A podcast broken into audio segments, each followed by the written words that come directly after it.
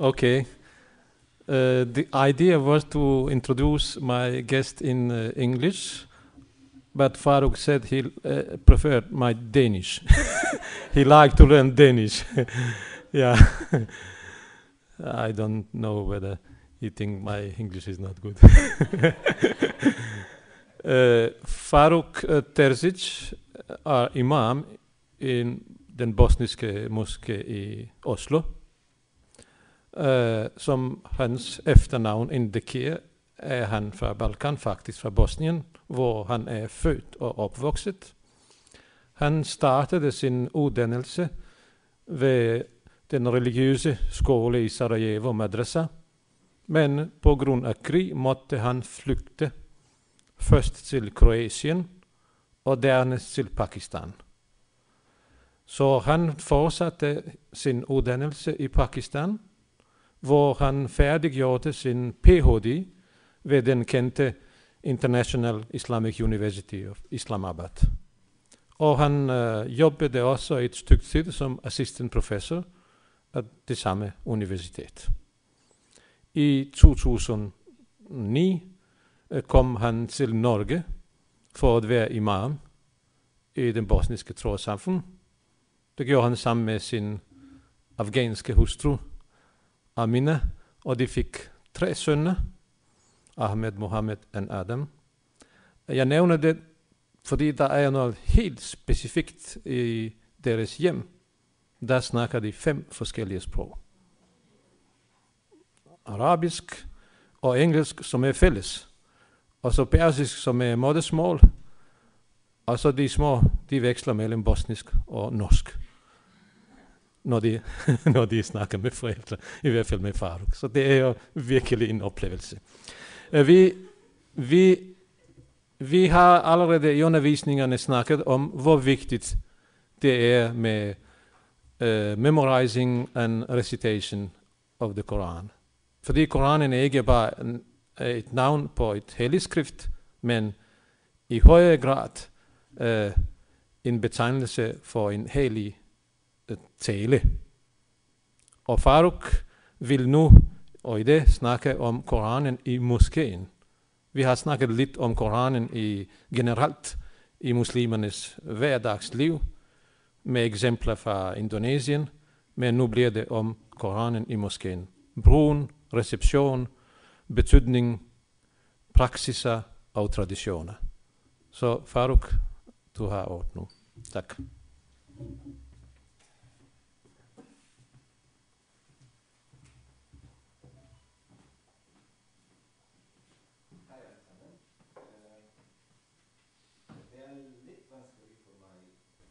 Å snakke norsk. Jeg er litt vanskelig, så jeg foretrekker å snakke engelsk. Det er litt uh, lettere for meg, rett og slett. Men dere kan selvfølgelig spørre meg på norsk eller engelsk. Det er OK for meg. Um, thank you, uh, Dr. Safet, for uh, the introduction, and thank you, the Faculty of Theology, for inviting me today to be with you and to talk to you about uh, Quran, about uh, the most important holy book for the Muslims.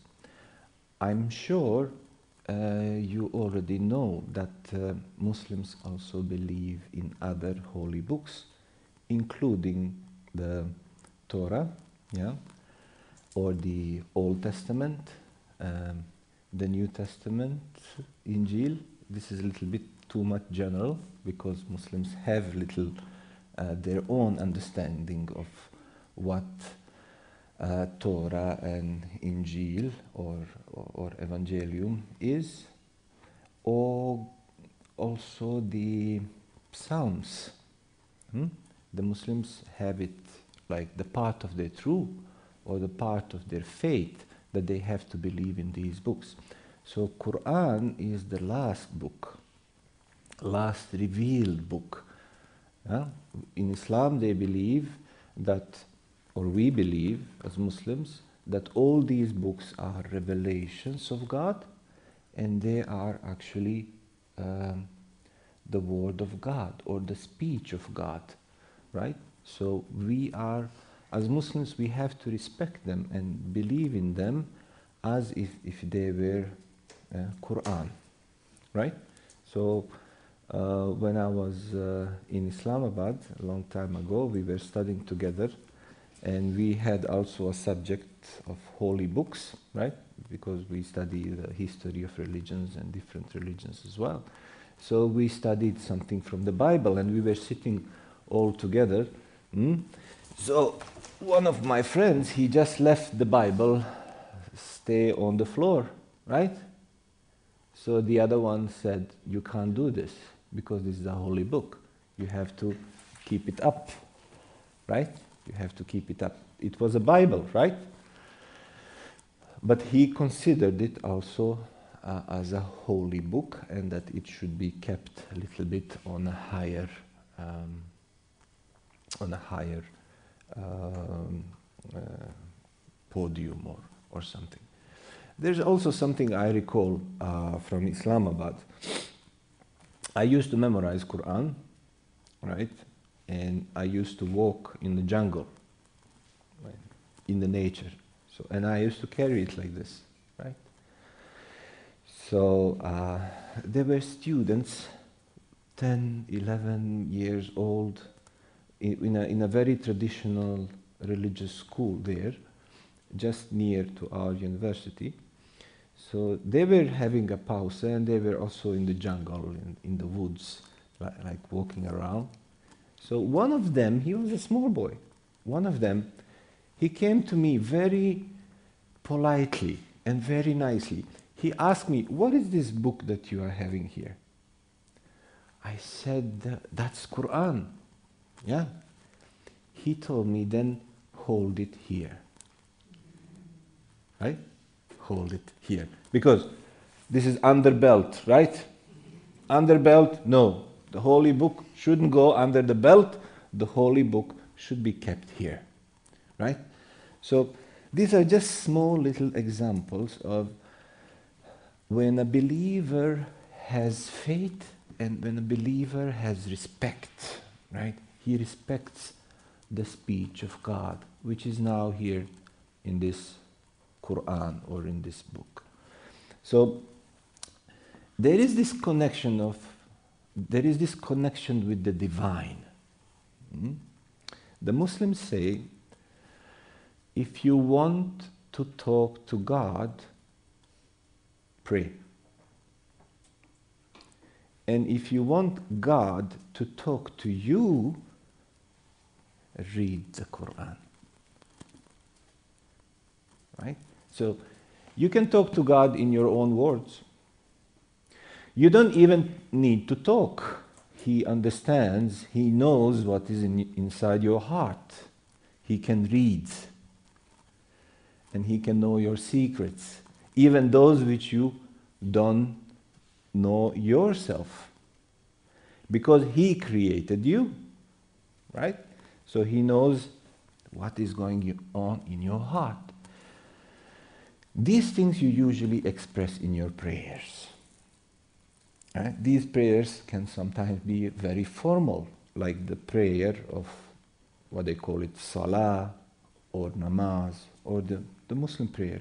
But this can also be a very usual meditation, thinking. You are just sitting in a bus, right? You are worried about your next exam. You said, Oh my God, I have done everything I could. I read, I wrote, right? Now I just need some push, right? So these things, this is how we pray to God, right? And then when we want God to talk to us, we read the Quran because this is His holy speech. Now, there is something very important theologically among the Muslims and among the Muslim theologians. And that is, when they talk about God, they do talk something about His essence and His attributes, right? They say, the theologians say, that essence is not possible to be understood, to be grasped, right? and this is something divine. We cannot understand. But the attributes, especially those attributes which are related to the world, to us, we can know a little bit about them. And through the attributes, we can understand a little bit what God is. Hmm? Is this complicated? So let's say the essence and the attributes. The essence is so divine, we cannot grasp it, we cannot catch it. The attributes are this is how God is manifested in His creation. So, one of those attributes is kalam, the speech, divine speech. Hmm? And this divine speech is actually revealed to the Prophet Muhammad, peace be upon him, or to all other prophets. So, this divine speech is the speech of God, given to the Prophet and all other prophets in this particular yeah, uh, presentation. We talk about the Quran. So, the speech was given to the Prophet Muhammad over many years, as you know, 23 years, and then it came in the shape of a book that we call Quran, or that we usually call Mushaf, right? So now, belief, faith, God, essence, attributes, and this is how the God is manifested through the divine speech to the believer directly. So, if a believer wants to be connected to God, he can connect through recitation, he can connect through reading, he can connect through prayer. That is why Quran is so central in the Muslim life and in the Muslim belief as well. So, if you, and, and, there is a saying of the Prophet, peace be upon him. Hmm? There is a saying that read the Quran as if it was revealed to you. Read the Quran, experience the Quran, pay attention to the Quran in such a way as if God Himself is revealing, giving this book exactly to you and to nobody else. Right? So, this attention, this understanding that this is something divine, that this is something coming from God, must be there to understand and to feel, right? What the Holy Book and what the Quran is about. Now, um, how do we use, how do we prepare for the reading of Quran? Okay, the Quran is coming from God, it is sacred, it is holy. Do we treat it as a any kind of book or there is some special procedure, something special related to it? um, some practical things. Number one is the what they call it intention or the niyyah. If you want to read the Quran, you have to come with a clean, clear intention that you want to do it, right? Without intention, deeds are not counted. You have to have a right intention to get closer to God, to get better understanding, to get some peace, right? So that is why you are coming, approaching the Quran with this intention. Number two is the cleanliness, right? You have to take shower, right? You have to be clean. And especially if you want to read the Quran, mm, you have to or if you rather want to hold the Quran, right? You have to perform what is called ablution. It's very easy uh, uh, to do it. I hope you can find it on YouTube how it is done, so that we don't uh, talk about it now. So th- that's a ritual of preparing to approach the Quran. The intention, the cleanliness, right? And if you want to read the Quran in the mosque, which is considered a holy space, of course you can read Quran anywhere else, right? It must be, uh, it must be some uh, some uh, clean place. It must be some respectful, nice place, right, where you feel uh, comfortable and peaceful, and when, where, where you can focus. But this can also happen in, in the mosque. Mosque is a holy place for Muslims, and that mosque should also be clean. It doesn't need to be designed to be a mosque, right? It doesn't need to look like a mosque. It could be just a simple place where the things are clean. It could be even this place, right? If if uh, the the floor was clean, right? Yeah, uh, it's clean, but not clean for the prayer, right? right now, because we are coming in the shoes and the, we are using the bathroom. So coming from the bathroom to the shoes with the shoes, that wouldn't be considered clean place, right? So most of the Muslims will start memorizing Quran from very young age. So they will probably know some of the basic surahs. Uh, there is tradition in many Muslim countries that children they uh, memorize the Holy Quran before going to school, actually.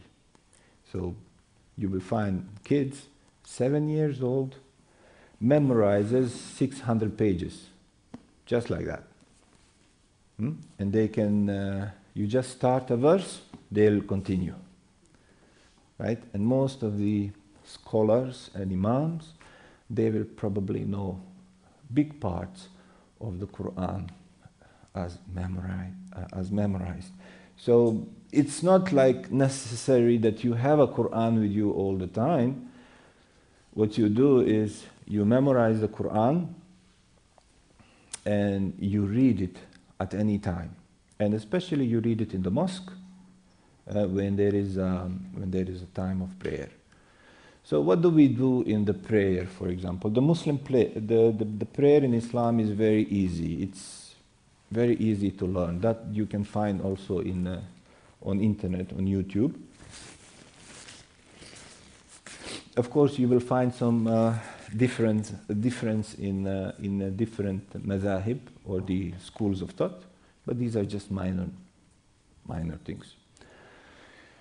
So you came with the right intention. You came with, in a holy space. You are going to talk to God, right? You are ready, clean. Hmm? You will find the direction of the Qibla, right, or the Mecca. So you will begin your prayer. Hmm? For example, the man will do it like this hmm? in Hanafi school of thought. Allahu Akbar. And this will be the posture, right? This is how it is going to look. You are standing like this in front of God. And then we have pr- uh, five prayers a day. So some of the prayers we can read Quran aloud, and these are the night prayers. And they are three. Like in the early morning, at the dusk, and at, at night.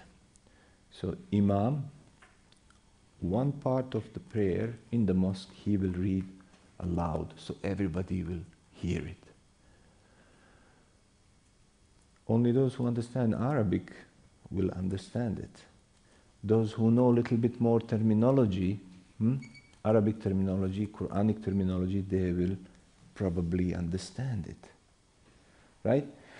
But the day prayers, Imam will not read anything aloud, he will be just reading silently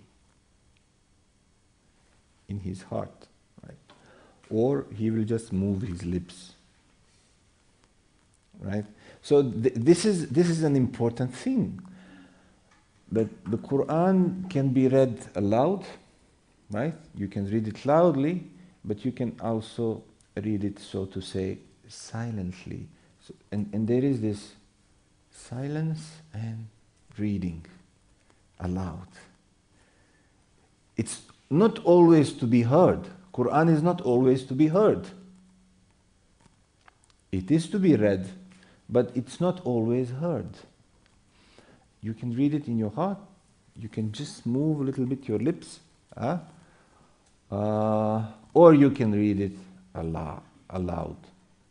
So, for example, if Imam reads it, or uh, anybody who is following him, in some of the schools, they don't need to read anything. They'll just say, okay, Imam is there, so whatever he reads, it's for us as well. But in some other schools, they will read some of the portions, especially Al Fatiha, and I'm sure you have spoken about uh, the first chapter of the Quran, which is called Al Fatiha. So, for example, if if Imam is praying Salatul Dhuhr or the midday prayer, so you'll be praying just like this. You will not hear anything.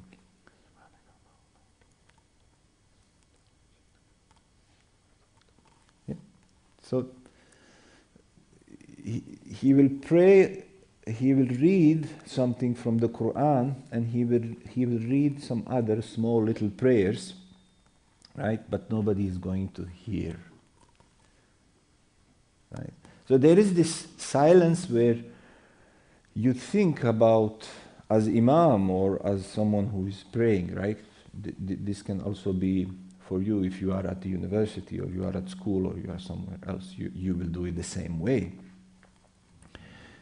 So there is this silence, there is this peace, there is this uh, meditation, there is this inside look where you very intimately uh, whisper to yourself or whisper with yourself the words or the speech of God or the Quran. Right? That's something very much inside. Mm? Or you can be in the bus or you can be in a, in a plane. Huh? Sometimes it's dangerous huh? if you have a Quran on the plane. Some people will get scared, like, oh, what's this? Right? We have these problems, right? But you can read it inside your heart. That's another solution. You can read it inside your heart. So, how would be uh, one imam reading, for example, um, one of the prayers? So he'll start like this. First of all, intention, right? That you, I am here intending to pray to God this kind of prayer, right?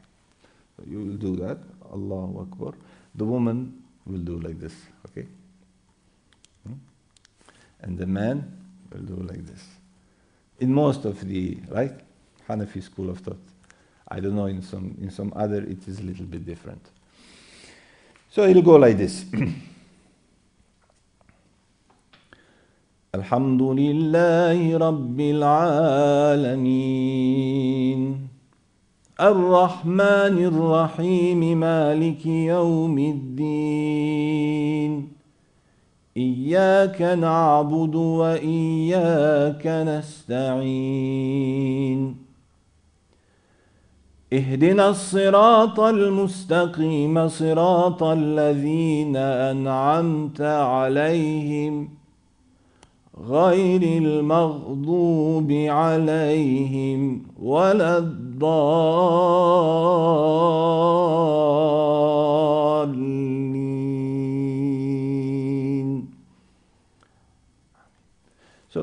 This is just the opening chapter of the Quran, right?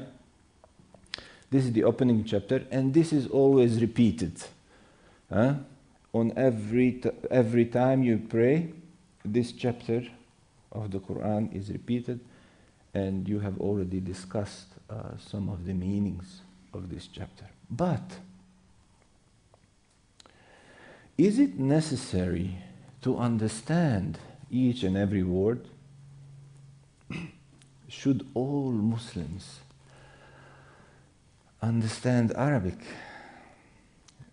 Do all Muslims who pray five, five times a day or from time to time, do they really understand what they are reading?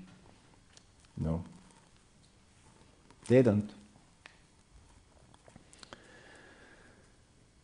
But then, how these blessings,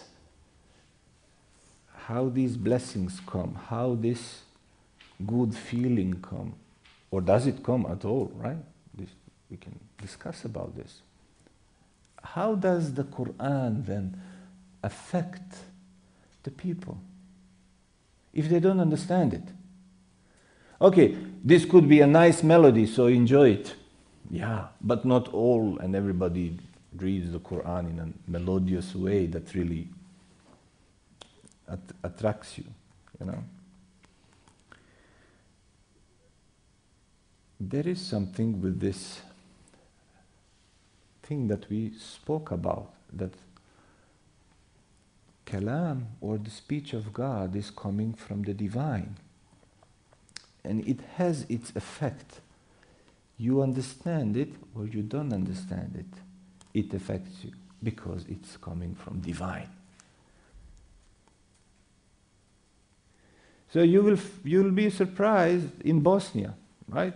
In the country I'm coming from, mm, people don't understand Arabic, right? But when they read Quran or when they listen to Quran, you feel sometimes that they get so affected.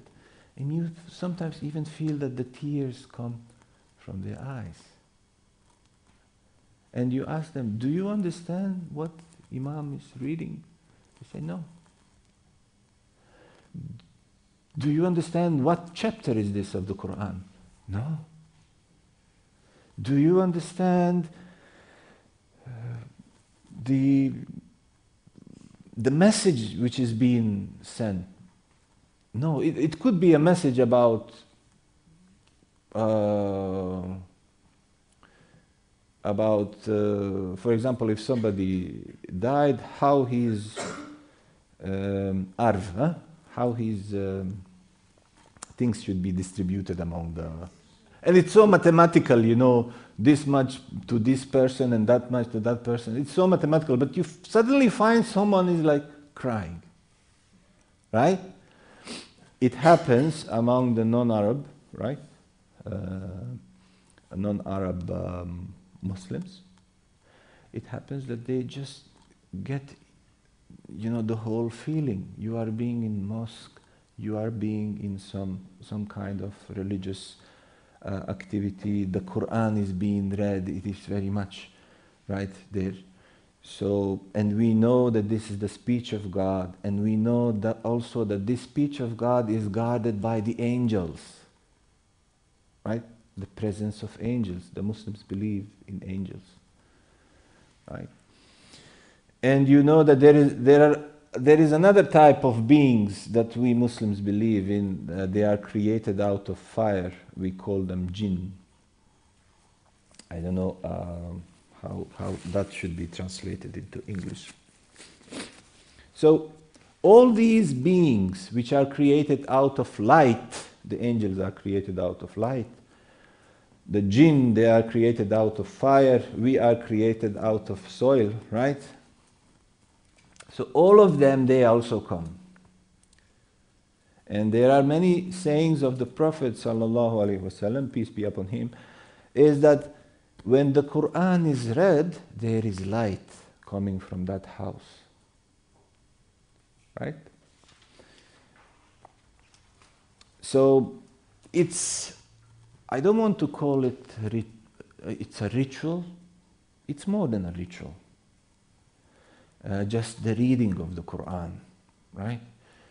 It has to do something with your inner self, something with your realization, something with your direct experience, something with your um, something with your uh, um, your own state of faith, right? Maybe you went through a difficult situation, so suddenly the lis- listening to the Quran touches your heart.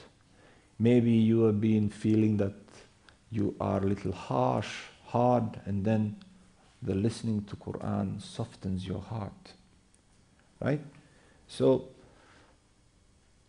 it is not necessarily that you understand what is being said to you, but the whole atmosphere of listening to the Quran, understanding the Quran, understanding the, the, not like the words, but the message. And the overall message is that you should be good, that you should be close to God, that you should be good to the others. So these meanings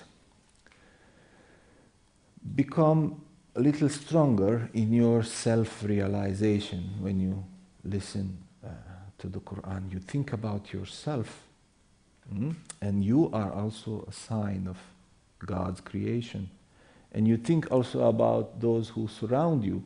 This is also um, your own um, understanding, and th- th- this is all around me, also creation of God, just like me and all everybody else. So the Quran softens your heart. It strengthens your heart when it is needed as well, even though you don't understand it sometimes. Right? So there is this silence, there is the inner voice. From the other side, there is the loud reading of the Quran and understanding or not understanding of what is being said. But there is this feeling of the presence of God, right? Feeling that you are there in front of God and feeling that this speech or this um, um, um, what is being read, the recitation, is actually from God. And there is a, in Muslim theology, of course, you will see that there, there has been a discussion is the Quran created word of God or it is eternal? Right? The um, most of the Muslims, uh, except for the Mu'tazila, they believe that God's words or God's speech is eternal. So when you read the Quran, you are reading the eternal message of God.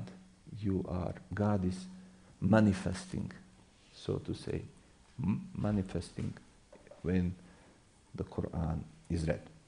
Yes, there are many little things here and there that we could also speak about, but if you have some questions, we can take them now because we have like 10 minutes.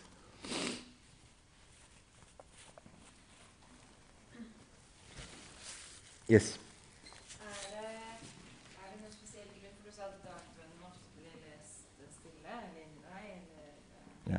det? ja, det var, det var noe spesielt. Det var noe praktisk pga. på grunn av eh, at eh, muslimer, eh, da profeten begynte å eh, spre budskapen, eh, de var eh, ikke så ønsket. Så det måtte være i, i, i, i hemmelighet. Og de vil ikke at noen andre hører på dem når de leser bånd, eller når de leser Koranen. So that was the, uh, that was the ground why uh, the, the daily prayers were not read aloud, uh, and the night uh, aloud. That was the, one of the practical uh, reasons. But it just became tradition and nobody is changing it. But even um, among the different Sufi branches, you have those Sufi branches which insist on silent remembering of God. Hmm? Or what they call it a dhikrul khafi. That's the Arabic terminology for that. So they, they, they, focus at the dhikr or the remembrance or the reading of certain portions of the Quran should be read uh, silently inside. And there are other uh, Sufi um, uh, traditions or the chains, as they call themselves, salasil or silsila. Uh, they are insisting on jahri. And there are others who combine, right? Both, both the ways. Yes. Yes. Uh, learning the Quran and memorizing the Quran is a crucial part of being Muslim Yes. in general and especially during prayer. And uh, uh, you have the Quranic school maktab in your mosque. Yes. And the learning the Quran starting very early Yeah. at the home but also in the mosque. Could you briefly uh, tell a bit about what is the content of the courses? How do you organize? Uh. You teach the boys and, and girls and what they start with. Yes. Yes, this is, this is the basic um, basic thing for all the children who come to the school. We have a school here in Oslo on Saturday. The children spend about two hours uh, with me or with uh, somebody else. So what we do is um we memorize with them. We sing, just just like that. We sing. Uh, they don't need to read because some of the kids, when they come, they are so young they even don't know how to read. They don't know the letters. So what we do is we repeat, and uh, we teach them the very basics. One of them is the surah or the opening chapter of the Quran, Al-Fatiha, which we read, yeah, and usually the last 10 surahs or the last ch- 10 chapters of the Quran they memorize as well. And these are very short surahs, some of them are even one line. Right? So these are practical reasons because most of the Muslims in the world, yeah, they just know these 10 surahs, these, these 10 chapters, and this is how they can perform their daily prayers. Right? So that's, uh, that's very easy. And they can me- memorize them quickly, quickly, and then just forget them also very quickly. So you memorize with them, they forget, then you memorize with them again, and then they also forget until certain age when they really uh, uh, get, um, uh, get, get to know it. And then the Prophet, uh, peace be upon him, he says that the, the Quran doesn't like to stay in, in a heart which doesn't like it. So if, if your heart is not attached to the Quran, if your heart is not attached to belief or to God, Quran will slowly escape from your heart. Yeah? And you will forget it. So there should be love, there should be affection, there should be uh, this connection, right, with, with God so that the Quran stays, um, stays in your heart. So we teach them very practical things that they need in all their life. And if they memorize them uh, till they are, for example, 10 or 12, so they usually never forget. They usually never forget these surahs. And all of the Muslims around the world, they can read these surahs with little different accent from here and there. But you, you uh, if you understand a little bit Quran, you can actually uh, understand how uh, most of the Muslims, right, they memorize the Quran. The Quran. It, it is like if, if you want to uh, compare it, if you want to study English and then you memorize the finest poems of Shakespeare, right? The finest poems of Shakespeare. So, so you will you will hear, for example, uh, in this globalization age, you will see the Arabs when they listen to the non-Arabs when they read the Quran, they start crying. Yeah?